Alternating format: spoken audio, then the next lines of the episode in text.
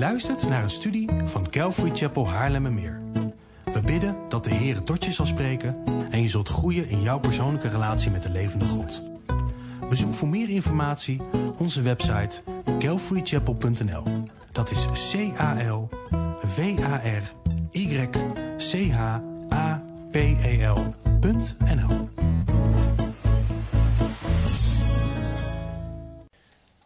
Sla je Bijbel alsjeblieft open op het prachtige Bijbelboek Romeinen. We zijn bezig om Romeinen vers voor vers te bestuderen, om erachter te komen wat God aan ons wil leren. Hoe wij veranderd mogen worden, hoe wij meer op de Heer Jezus mogen gaan lijken.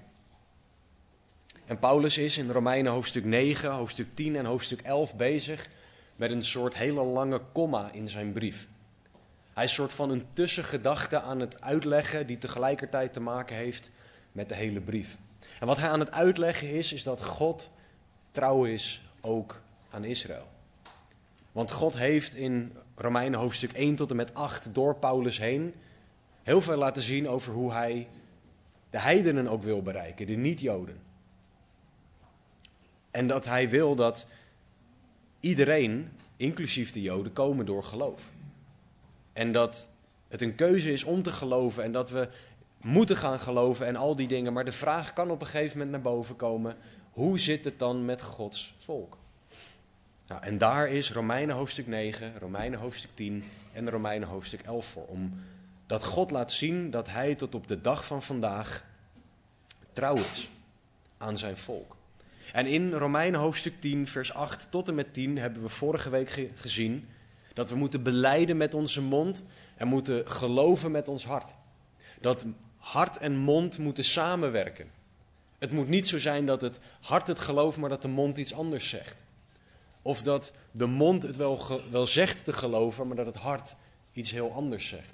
Jezus spreekt daar ook de fariseërs op aan in de evangeliën. Hart en mond moeten samenwerken. En vanochtend gaan we verder en zullen we vers 11 tot en met 13 gaan behandelen. En we zullen daarin zien dat God rijk is voor allen die Hem aanroepen. God is rijk voor allen die Hem aanroepen. En ook dit is belangrijk voor ons om ons te realiseren. Want wij mogen leren om God aan te roepen. En we mogen dan leren dat wanneer we Hem aanroepen, dat God niet zegt, nou ja, ik heb eigenlijk niks meer over voor je. Nee, Hij is rijk voor allen die Hem aanroepen. Dus laten we samen lezen. Romeinen hoofdstuk 10, vers 11 tot en met 13. Paulus schrijft, want de schrift zegt, ieder die in Hem gelooft, zal niet beschaamd worden. Er is immers geen enkel onderscheid tussen Jood en Griek. Want één en dezelfde is Heere van allen en Hij is rijk voor allen die Hem aanroepen. Want ieder die de naam van de Heere zal aanroepen, zal zalig worden. Laten we bidden. Heere God, we danken u voor uw woord, dat u uw woord aan ons gegeven hebt. En Heilige Geest, we danken u dat u ons dat woord ook kan en wil uitleggen. Dus dat is ook mijn vraag, dat u op dit moment onze harten aanraakt. Dat u op dit moment ons zal overtuigen van uw woord. En dat u ons zal leiden om te geloven wat u in uw woord zegt. Heer, we bidden dat u ons alles zal geven dat wij nodig hebben. Dat u ons zal leiden en dat u verhoogd zal worden. Laat er niks van mijzelf bij zitten, laat het alleen maar woorden van eeuwig leven zijn. En heren, we vragen dat u wonderen doet. Uitgenade in Jezus' naam. Amen. Paulus is met een heel belangrijk punt bezig in de Romeinenbrief. Hij is duidelijk aan het maken dat Jood en Heiden gered moeten worden. Hij is duidelijk aan het maken dat ieder mens een zondaar is die redding nodig heeft. En hij is specifiek nu in hoofdstuk 10 aan het inzoomen op de Joden en hun perspectief op redding. Want in vers 4 heeft hij laten zien dat het einddoel van de wet Christus is. En de Joden bestuderen de wet, maar komen niet tot de conclusie dat Jezus het einddoel van de wet is. Ze denken juist dat ze eigen werken nodig hebben. En Paulus zegt in vers 5 tot en met 7 van de Romeinen 10 dat het juist niet uit eigen werken is. Maar hij zegt dat je moet geloven met je hart en moet beleiden met je mond in vers 8 tot en met 10. En Paulus legt dit uit omdat de Joden, zoals vers 3 zeggen, de gerechtigheid van God niet kennen en hebben afgewezen. Dit is een belangrijk punt.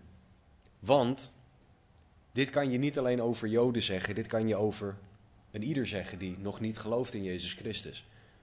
Dat zij de gerechtigheid van God niet kennen, vers 3, en een eigen gerechtigheid tot stand proberen te brengen en zich niet aan de gerechtigheid van God onderwerpen. Wanneer wij ons dit gaan beseffen, wanneer mensen dit gaan inzien, wanneer ze gaan zien dat ze recht voor God moeten kunnen staan, of recht voor God moeten staan, maar dat niet uit zichzelf kunnen, dan kan je ze wijzen op de Heer Jezus. Dan kan je ze wijzen op dat Jezus de weg naar redding is, de enige weg naar redding. En Paulus doet dat continu en hij doet dat op een hele specifieke manier. Hij doet dat door continu het Oude Testament te citeren. Paulus is continu bezig om vanuit het Oude Testament te bewijzen dat Jezus Christus de redder is, de Messias is, dat hij de beloofde van God is. We zien dat bijvoorbeeld in Handelingen 17, vers 2 en 3, dat Paulus dat al deed. En Paulus staat daar, ging naar zijn gewoonte bij hen de Joden naar binnen en drie sabbatten lang ging hij met hen in gesprek vanuit de schriften. De schriften op dat moment sorry, waren wat wij nu het Oude Testament noemen. Paulus opende die en zette voor hen uiteen dat de Christus moest lijden en opstaan uit de doden en dat deze Jezus de Christus is, die ik u, zo zei hij, verkondig. Jezus wordt dus bewezen vanuit de schriften, vanuit het Oude Testament. En vanaf daar bewijst Paulus continu dat hij niet iets nieuws brengt, maar dat hij de vervulling brengt van wat al gegeven is. Daarom zegt Paulus ook in vers 11 van Romeinen 10, want de schrift zegt. Hij onderbouwt dus vanuit het Oude Testament wat hij gaat zeggen. En dat is heel erg belangrijk voor zijn Joodse publiek, want die willen graag weten, hoe kom je hierbij? En Paulus kan dan zeggen, omdat God dit gezegd heeft. Hij bouwt zijn onderwijs dus op het Oude Testament. En wat dus hier heel erg in zit, is dat Paulus eigenlijk ervan uitgaat dat zijn publiek weet wat er in de schriften staat. En dit, dit spreekt mijn hart aan. Van in hoeverre ken ik de schrift zo goed dat ik weet dat er staat: ieder die in hem gelooft zal niet beschaamd worden. En dat ik weet dat dat gebouwd is op het Oude Testament. Want Jesaja 28, 16 zegt: Daarom, zo zegt de Heere Heere.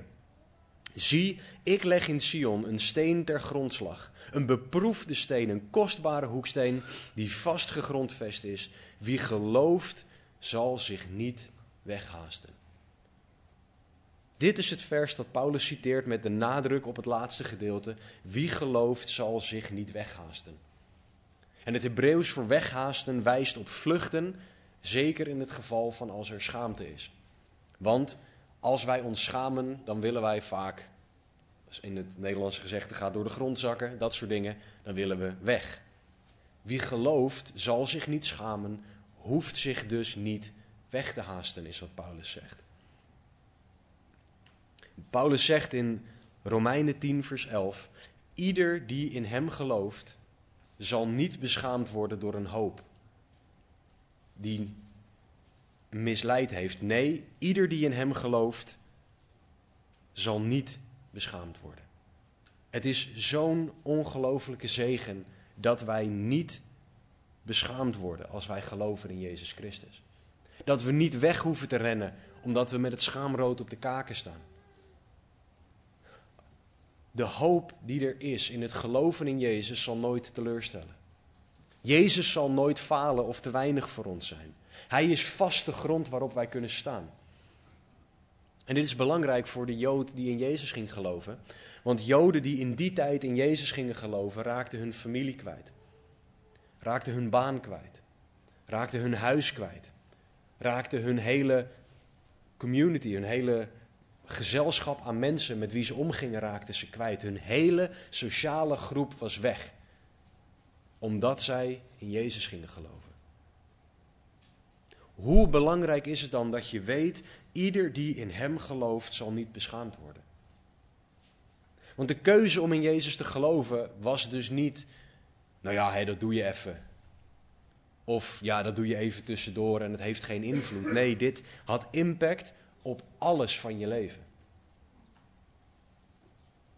Wie in Hem gelooft, zal niet beschaamd worden. Deze zekerheid was nodig voor de christenen met een Joodse achtergrond. Ook wij mogen weten vandaag de dag dat geloof in Jezus niet beschaamt. Dat er geen reden is om weg te vluchten, zelfs als de wereld vindt dat het iets is om je voor te schamen. Paulus zei niet voor niets in Romeinen 1 dat hij zich niet schaamt voor het evangelie. Zo horen wij ook te leven. Ons niet schamend voor het evangelie, maar het juist verkondigend. Paulus schrijft in Colossense 1, vers 27: Aan hen heeft God willen bekendmaken wat de rijkdom is van de heerlijkheid van dit geheimenis onder de heidenen. Christus onder u, de hoop op de heerlijkheid. Dat is wie Jezus is, onze hoop op heerlijkheid. En dat is niet zoals hopen op mooi weer. Zeker in Nederland is dat vaak ijdele hoop. Maar Jezus is onze vaste grond, onze zekere hoop. Onze garantie. Ieder die in Hem gelooft zal niet beschaamd worden, is een zekerheid die we van God krijgen. En dat geldt zowel voor redding als voor het dagelijks leven. Want als je kijkt naar wat Paulus zegt over geloof, ieder die in Hem gelooft, dan is dat het woord pisteo, daar hebben we vorige week ook naar gekeken, wat overtuigd zijn of ergens op vertrouwen betekent. En wat de wereld ook zegt. Wat de vijand, je vlees of je gevoel ook zeggen, God is te vertrouwen. Maar dat is een keuze om dat ook te geloven. Want het kan best zijn dat gevoelsmatig de hele wereld instort. Het kan best zijn dat je van alles aan het kwijtraken bent. Dat je je gezondheid kwijtraakt, je baan, je zekerheid, je van alles. Dat mensen opeens bij je weggaan en toch beschaamd geloof niet. Ieder die in hem gelooft, zal niet beschaamd worden, zegt het woord. Geloven in God betekent niet dat alles opgelost of weggehaald wordt. Iedere leraar die je dat verkondigt, die verkondigt een vals evangelie.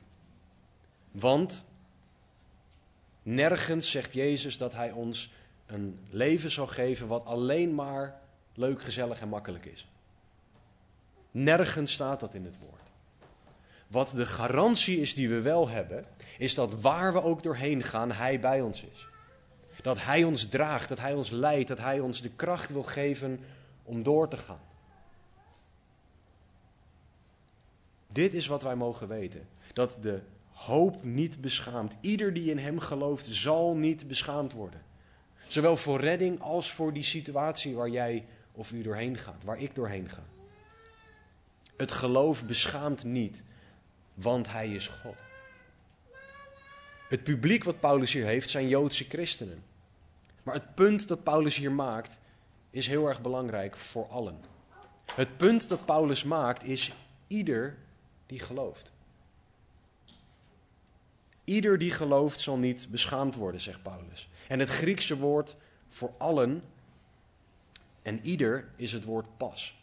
P-A-S. En dat betekent niks meer en niks minder dan allen. Ik heb het opgezocht. Het kan echt werkelijk niks meer of niks minder betekenen. En de context waar, waardoor we weten wat, om wie dit allen gaat, halen we uit vers 12. Er is immers geen enkel onderscheid tussen Jood en Griek, want één en dezelfde is Heren voor van allen, hetzelfde woord, en hij is rijk voor allen die hem aanroepen. Jood en Griek was voor de Jood de hele wereld. De Joden dachten simpel in, in twee groepen mensen: de Joden en de rest. En als je daar een naam aan wil geven aan de rest, dan was dat in dit geval de Grieken. Maar Jood en Griek is samen allen. Dat daar ook voor ons niet-Grieken onder vallen, doet niks af aan de historische context waarin Paulus schrijft. In het denken van Paulus was Jood en Griek iedereen. Dus er is immers geen enkel onderscheid tussen Jood en Griek, geen onderscheid tussen mensen, want één en dezelfde is Heere van allen, zegt Paulus. En dit is ongelooflijk belangrijk, want dit geeft zoveel zekerheid. Dit geeft namelijk de zekerheid dat ieder die in hem gelooft niet beschaamd zal worden. Dat ieder die de naam van de Heere zal aanroepen, vers 13, zalig zal worden. Dat hij rijk is voor allen die hem aanroepen, vers 12. De simpele lezing van Gods woord, de context van deze tekst bepaalt dat het allen is. Dus ook jij en u en ik, wanneer wij denken dat niemand ons nog kan helpen. Ook wanneer wij denken, ja maar God, dit is zelfs te groot voor u. Ook wanneer wij denken, nu is het voorbij. Nu ben ik te ver gegaan. Nu wil God mij niet meer hebben. Ieder die in Hem gelooft zal niet beschaamd worden. Hij is rijk voor allen die Hem aanroepen. Eén en dezelfde is Heere van allen, want ieder die de naam van de Heere zal aanroepen, zal zalig worden.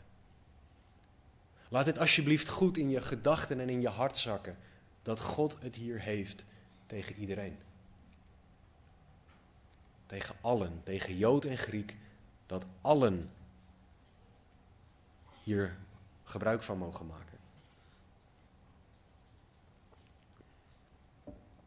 In 1 Timotheus 2, vers 1 tot en met 6 wordt ook het woord allen gebruikt. Paulus schrijft daar: Ik roep er dan voor alles toe op dat smekingen, gebeden, voorbeden en dankzeggingen gedaan worden voor alle mensen, voor koningen en allen die hoog geplaatst zijn, opdat wij een rustig en stil leven zullen leiden in alle godsvrucht en waardigheid, want dat is goed en welgevallig in de ogen van God onze zaligmaker, die wil dat alle mensen zalig worden en tot kennis van de waarheid komen. Want er is één God, er is één middelaar tussen God en mensen, de mens Christus Jezus. Hij heeft zich gegeven als een losprijs voor allen. Dit is het getuigenis op de door God bestemde tijd. Ook hier wordt het woordje pas gebruikt. Allen. En soms wordt de context van 1 Timotheus 2 gebruikt om te zeggen dat het hier over soorten mensen gaat. Dus dat Jezus zich gegeven heeft als een losprijs voor allen. Dus dat hij uit alle groepen mensen mensen heeft voor wie hij deze losprijs geworden is. En dat God dus alleen mensen, dat, dat het niet voor allen letterlijk is, maar voor mensen uit alle groepen mensen. Maar als we dan de letterlijke context pakken, dan gaat het hier alleen maar over koningen en allen die hoog geplaatst zijn. Wat we zien in de simpele gebruik van het woord pas is dat het draait om allen. Wat we zien is dat God zegt dat Jezus zich gegeven heeft als een losprijs voor allen.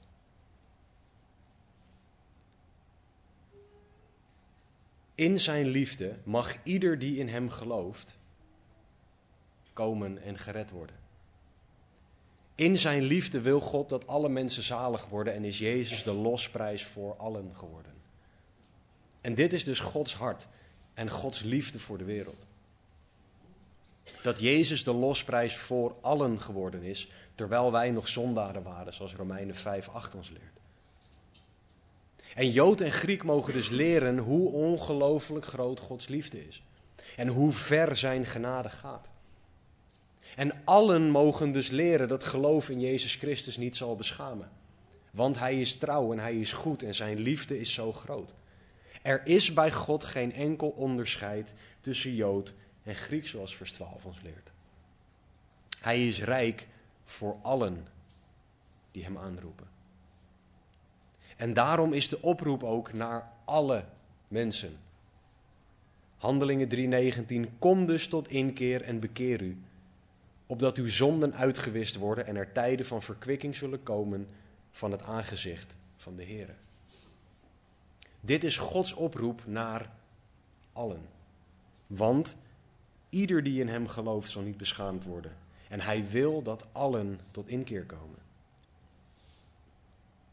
Gods oproep naar de wereld is, die hij door ons heen naar de wereld ook wil brengen. Ieder die in hem gelooft zal niet beschaamd worden. Jij hebt redding nodig. Jij hebt Gods vergeving nodig. Zoals ik dat ook nodig heb. En het evangelie is wat redt. Geloof in Jezus Christus.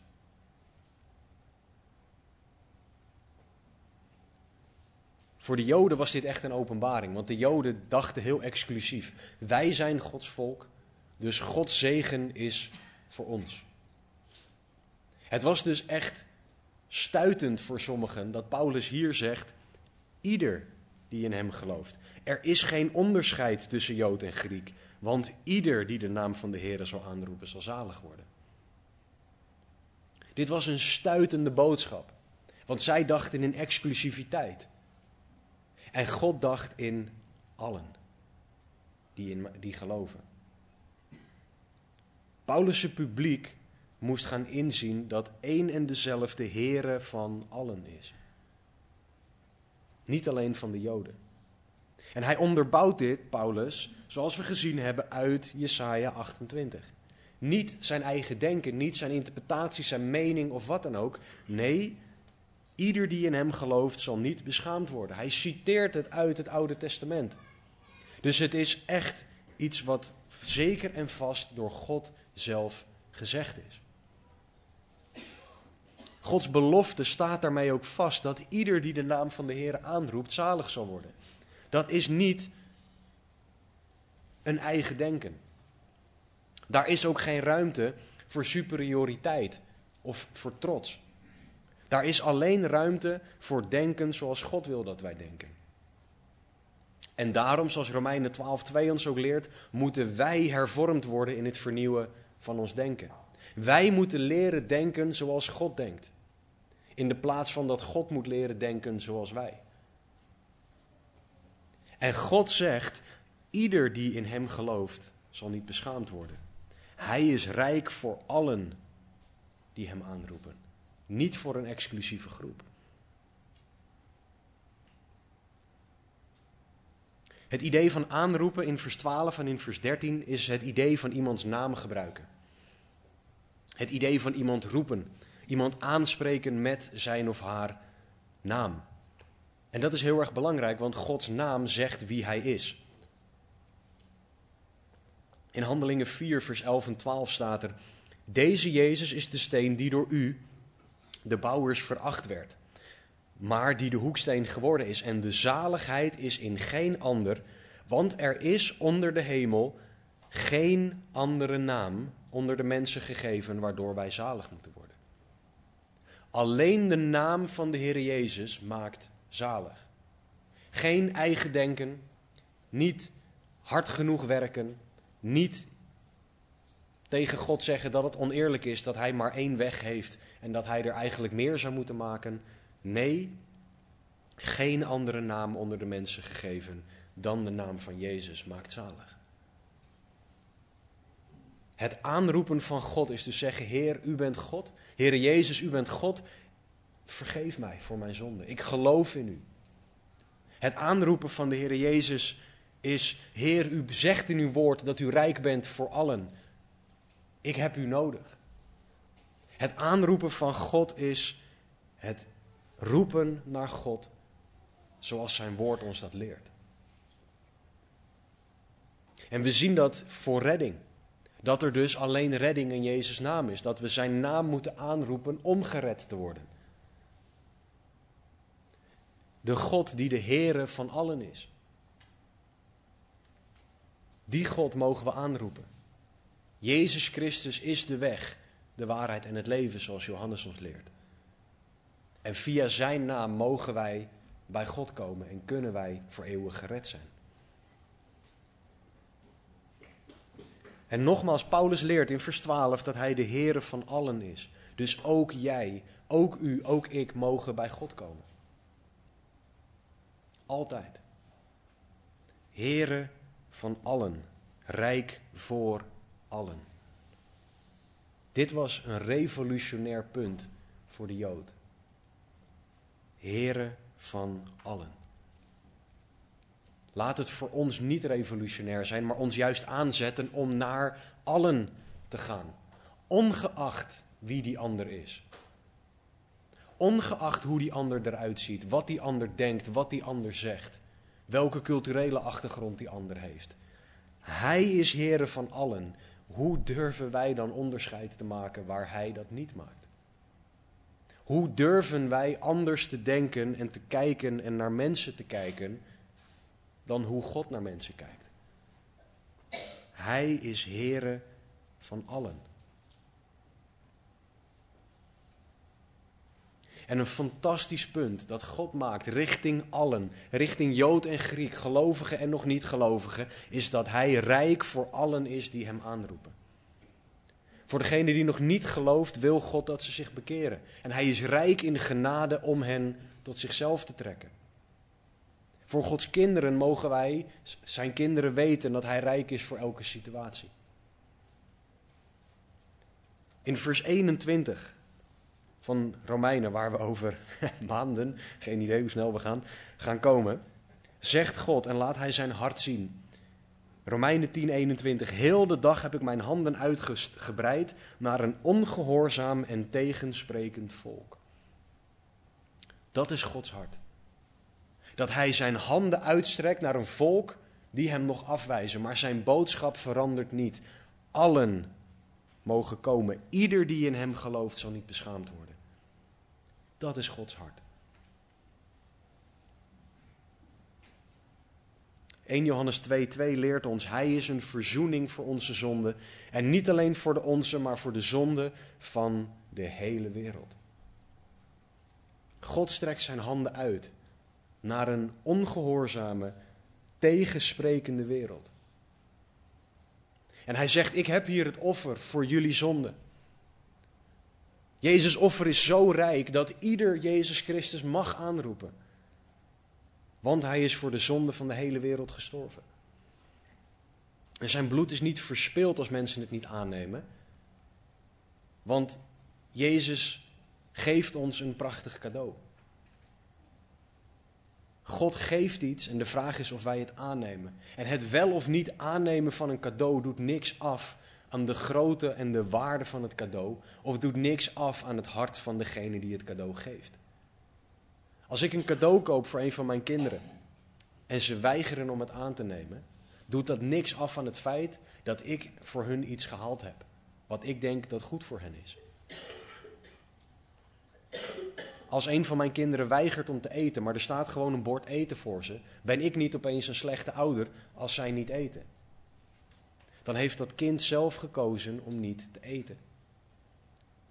God strekt zijn handen uit, heel de dag, naar een ongehoorzaam en tegensprekend volk, namelijk Israël, maar ook de rest van de wereld. En Jezus is voor de zonde van de hele wereld gestorven. Voor jou, voor u en voor mijn zonde, zodat wij nu vergeven kunnen worden. Dus God is rijk voor redding. Zijn liefde en zijn offer zijn groot genoeg voor ieder mens. Want ieder die de naam van de Heere zal aanroepen, zal zalig worden. Hebben we gelezen in Romeinen 10:13. En christen, God wil jou en mij, u en mij, ons allemaal gebruiken om die boodschap te brengen. Want allen moeten dit horen. Allen hebben deze boodschap nodig. En vaak denken we dan, ja, dat is voor bijzondere christenen. Of dat is voor degenen die echt daar, die echt door God tot evangelisten gemaakt zijn.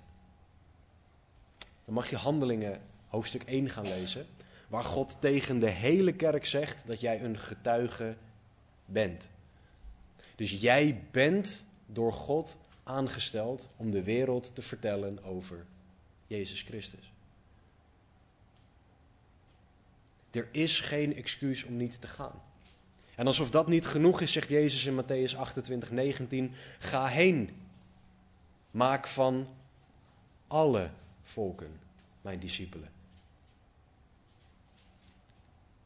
Gods redding is zo rijk en is zo nodig voor allen. Maar de vraag is of wij en hoe wij reageren op die redding. Zet het feit dat jij gered bent jou aan tot het willen verkondigen aan allen? Dat allen dit moeten horen of maakt het jou passief en denk je, nou top, ik ben gered. Mooi. Of zie jij wat God zegt in de Timotheusbrief? Dat hij wil dat alle mensen zalig worden. 1 Timotheus 2, 4. God is rijk genoeg om allen te redden. Anders zou Jezus niet gestorven zijn voor de zonde van de hele wereld. Het feit dat niet iedereen het aanneemt, doet niks af aan zijn offer. Het evangelie redt. En wij mogen geloven in dat evangelie. Het is jouw verantwoordelijkheid om te kiezen, om te geloven. En christen, het is jouw verantwoordelijkheid om aan God te vragen: Heer, wie mag ik vandaag uw evangelie vertellen? Met wie mag ik vandaag over uw redding praten? Wie is die ieder en die allen die vandaag moet horen, ieder die in hem gelooft zal niet beschaamd worden? God is rijk voor redding. Wat ook belangrijk is, is dat God rijk is in vergeving. 1 Johannes 1,9 zegt: Als wij onze zonde beleiden, Hij is getrouw en rechtvaardig om ons de zonde te vergeven en ons te reinigen van alle ongerechtigheid. En ook dit is belangrijk voor redding, maar dit is ook zo belangrijk voor elke dag. Want laten we heel eerlijk zijn: wij zondigen nog allemaal, elke dag. En daar moeten we iets mee. Want ja, Jezus is er al voor gestorven. Ja, je bent er al voor vergeven. Maar deze oproep staat ook. Als wij onze zonde beleiden, Hij is getrouw en rechtvaardig. Dus wij horen dat nog te beleiden en ons ervan te bekeren. En de volgorde is zonde beleiden, daarna vergeving. Het, het idee van zondebeleiden is het Grieks homologeo, wat betekent hetzelfde zeggen als God. En wat wij vaak doen met zonde is het goed praten als dingen als een misstap of dat deed ik een keertje of ik was moe of ik was zwak of ik welk excuus wij er ook aan geven en welk ander woord dan zonde wij er ook op plakken. Maar wij moeten homologeo hetzelfde zeggen als God. Dus wij moeten hetzelfde als God zeggen over zonde, zodat wij vergeving kunnen vragen. En wanneer wij onze zonde als zonde zien en wanneer we het erkennen, dan kunnen we om vergeving vragen. En dan mogen we weten dat Jezus' vergeving rijk is. Gods vergeving is rijk voor ons, rijk voor allen die Hem aanroepen. Zijn vergeving is genoeg, ook voor die ene zonde. Waar je misschien al honderdduizend en vier keer in gevallen bent. Satan wil je dan aanklagen met, ja maar nu is het te veel. Leuk, het is klaar, niet, jammer. Gods vergeving is op. Hij is rijk voor allen die hem aanroepen. Dat heeft het idee van overvloedig. Dat is hoeveel vergeving God voor jou, voor u en voor mij heeft. Dus voor die volgende keer dat er gelogen wordt, gestolen wordt, dat er internetpornografie gekeken wordt, dat er dronkenschap is, dat de Belastingdienst verkeerd behandeld wordt, dat we iemand uitschelden, dat we verkeerd doen in het verkeer, dat we, en vul de zonde maar in. Hij is rijk voor allen die hem aanroepen. Vraag hem om vergeving. We hebben die vergeving nodig. Psalm 139 leert ons dat we mogen vragen aan God welke zonden er in ons leven zijn, zodat we ons daarvan kunnen bekeren. Vraag dat ook aan God. Zodat je je kan bekeren, zodat je je kan beleiden dat het zonde is en om vergeving kan vragen en dat je met een schone lei verder kan gaan in je leven met de Heer. God is rijk in vergeving. God is ook rijk in goedertierenheid en trouw. Psalm 86, 15 zegt, maar u, heren, bent een barmhartig en genadig God, geduldig en rijk aan goedertierenheid en trouw. Dit is een citaat van Exodus 34, waar God zichzelf aan Mozes laat zien. Mozes vraagt aan God, toon mij uw glorie. En onderdeel van Gods antwoord is dat hij geduldig is en rijk aan goedertierenheid en trouw. Goedertierenheid is echt een prachtig woord. Maar te vaak weten we niet meer wat dat betekent. Het voelt als zo'n heel oudbollig woord. Als je nu aan tieners vraagt, vertel mij eens wat goedertierenheid betekent. Dat is een mooie uitdaging voor de tieneravonden. Nee hoor. Ehm, maar dan gok ik dat zij, zoals de meesten van ons zullen zeggen, ja, ik denk dat ik het grofweg weet, maar Van Dalen definieert het als zachtaardig. En het Hebreeuws wijst erop dat God naar ons toekomt in onze noden. Dat is wat het betekent dat God goedertieren is. En hij is rijk aan goedertierenheid. Dus dit is niet iets wat hij eenmalig doet. Maar God komt continu naar ons toe in onze noden. Wat je situatie dus ook is, hij wil er zachtaardig mee omgaan. Hij wil die liefdevolle God voor ons zijn, die ons brengt naar waar we moeten zijn. Soms betekent dat correctie, liefdevolle correctie. Wij vinden dat soms twee dingen die niet matchen in ons hoofd. Liefdevolle correctie, maar dat kan echt. Maar God is de God die ons wil leiden, wil sturen, alles wil geven dat we nodig hebben. En God wil ons geven niet per se wat wij willen, maar wat wij nodig hebben. Want te vaak denken wij dat we iets nodig hebben en vindt God dat we iets heel anders nodig hebben. En het is een geweldige zegen dat Hij weet wat wij nodig hebben. Want Hij is rijk in goedertierenheid om ons zachtaardig, zachtmoedig te behandelen. Om naar ons toe te komen in onze noden en om ons te leiden. Dat is wie Hij is. Daarnaast zegt Psalm 86, 15 dat Hij rijk is in trouw. Hij is trouw wanneer wij ontrouw zijn. En het is zo fijn in deze wereld waarin er zo weinig zekerheid is. Waarin er zo weinig trouw is. Dat God trouw is. En niet een beetje, maar overvloedig in trouw.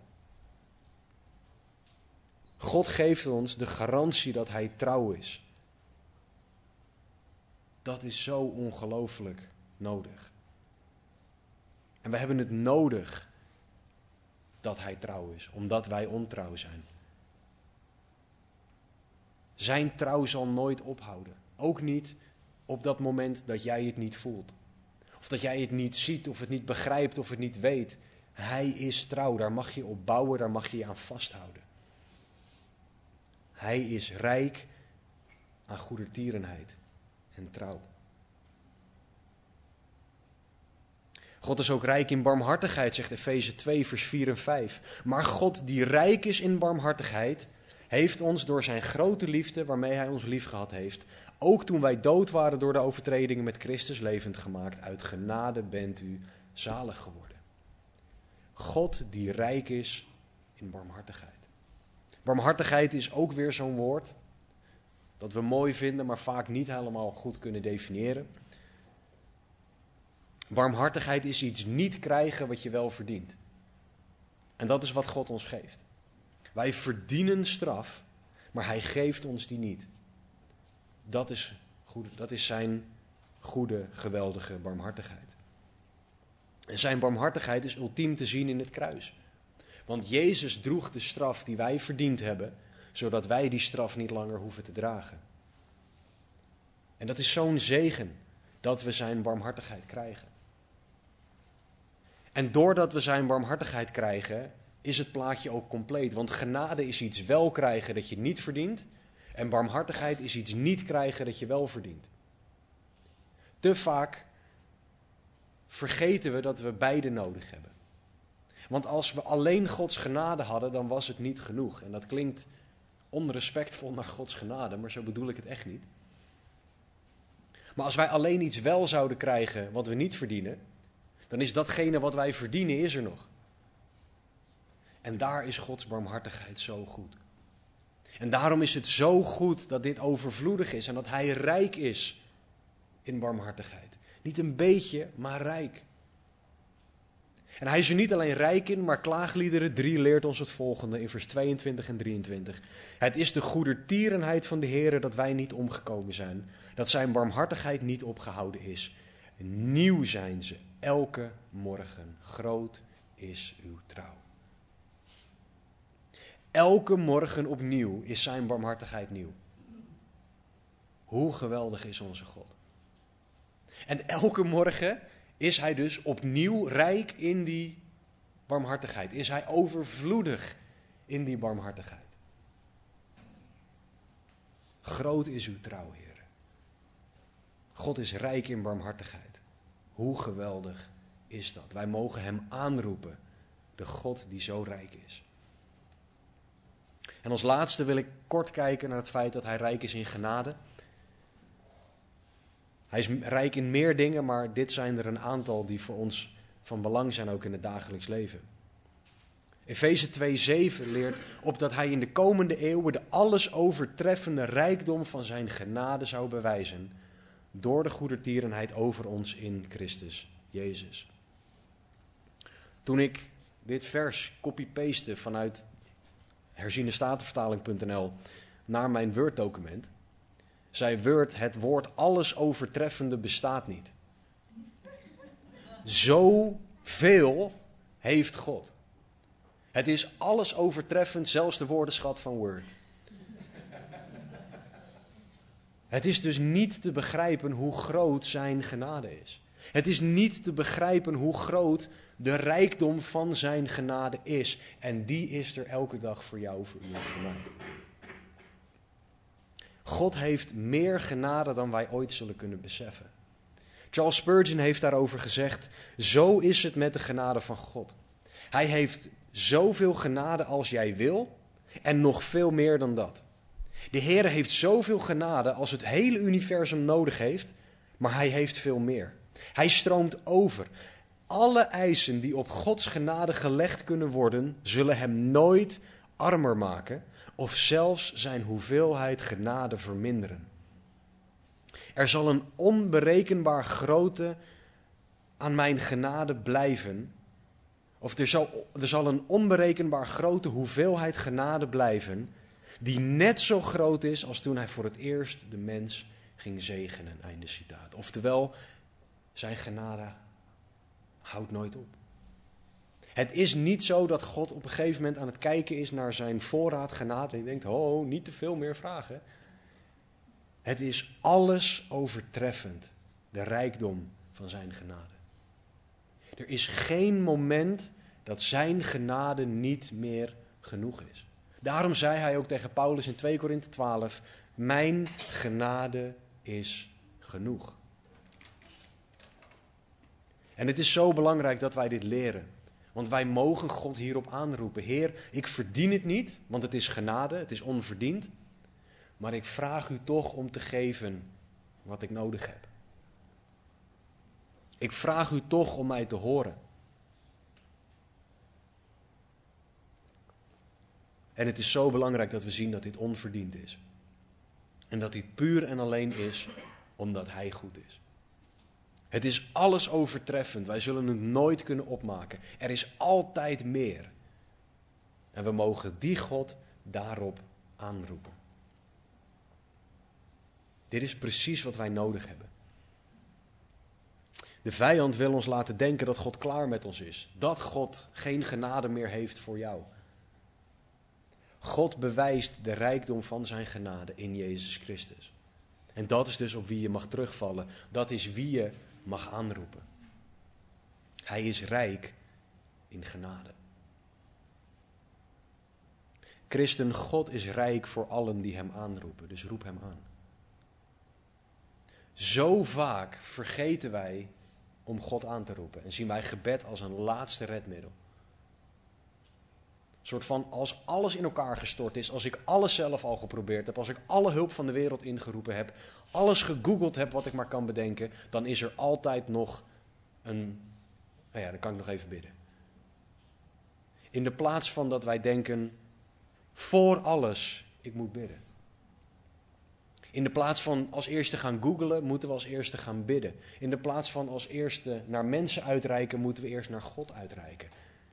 Hij is rijk voor allen die hem aanroepen. Dus christen, leer kennen wie hij is. Leer kennen hoe geweldig en hoe alles overtreffend zijn rijkdom is. En leer leven naar waar hij rijk in is, in de plaats van naar wat jij wel en niet kan. Leer leven op de manier dat jij hem aanroept, in de plaats van dat je het zelf probeert. Als jij nog niet gelooft, dan mag je weten dat God rijk is voor jou. Hij is rijk in liefde voor jou, rijk in een offer voor jouw zonde. Want Jezus stierf voor de zonde van de wereld. Dus als jij nog niet gelooft, weet dat Jezus voor jou stierf en voor jou opstond. Weet dat Hij van jou houdt en dat de enige juiste reactie daarop is een reactie van geloof. Geloof in Jezus vandaag, bekeer je, vraag vergeving voor je zonde en je bent gered. En je hoeft niet al je zonden individueel op te noemen. Je mag beginnen met: Heer, vergeef mij. En dan gaat God je vanzelf wijzen op individuele dingen. Maar geloof, bekeer je en je bent gered, zegt het woord. Christen, God is rijk voor allen die Hem aanroepen. Roep Hem dus aan. Geloof jij ook dat Hij rijk is voor allen? Of geloof je dat Hij rijk is voor allen min? En vul maar in. Christen, God is rijk in vergeving, rijk in barmhartigheid, rijk in genade, in goede tierenheid en in trouw. Hij is rijk, maar roep jij hem aan. Laten we bidden. Hemelse Vader, dank u wel dat u rijk bent voor allen die u aanroepen. Dank u wel dat in ieder die u aanroept voor redding ook daadwerkelijk zalig zal worden. Dank u wel dat u wil dat allen tot bekering komen, zoals uw woord het zegt. En dank u, Heer Jezus, voor de grootte van uw offer. Heer, het is mijn gebed dat u ons op dit moment zal laten zien waar wij niet vertrouwen op wat u hebt, op hoe rijk u bent. Heer, vergeef ons waar wij vertrouwen op wat wij zelf kunnen. Of waar wij een situatie niet overgeven aan u. Heer, als er hier mensen zijn die u nog niet kennen, Heer, laat ze zijn dat u rijk bent voor allen. Dus ook voor hen. En breng ze tot uzelf. Laat ze zien wie u bent, Heer, en stel ze voor de keuze om te gaan geloven. Trek ze tot uzelf, zoals uw woord dat zegt. En Heere, leer ons alstublieft, als christenen, als uw kinderen, om u aan te roepen in alles. Met alles. Ondanks alles. Want u bent rijk voor allen die u aanroepen. Help ons om u aan te roepen, meer en meer en meer. Niet om dingen te claimen, maar om nederig en klein naar u toe te komen en u aan te roepen. Heere, spreek tot onze harten en leid ons alstublieft. We vragen dit uit genade in Jezus' naam. Amen. We willen de dienst voortzetten met een stuk aanbidding. Dus we zullen zo weer samen een aantal liederen gaan zingen, maar maak ook gebruik van die tijd om echt de Heer te zoeken en te vragen waar jij, u, ik nog niet Hem aanroept, waar wij nog niet vertrouwen dat Hij rijk is. Er zullen een aantal mensen aan de randen van de zaal gaan staan, die zullen een keycord om hebben en die willen heel graag met je bidden. Iedereen heeft gebed nodig. Dus het is meer de vraag of jij gebed wil. Ehm, ga naar een van hen toe als je gebed wil en er wordt heel graag met je gebeden. De profeet Jesaja schrijft in Jesaja 65 vers 24.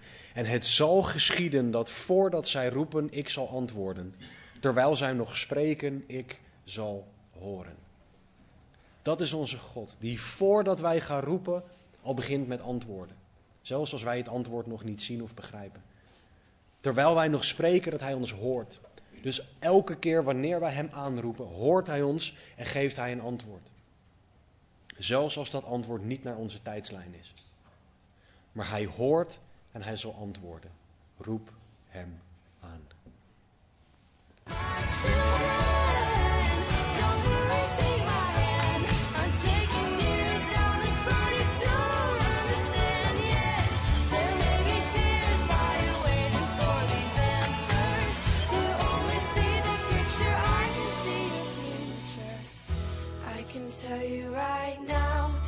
Gonna be alright.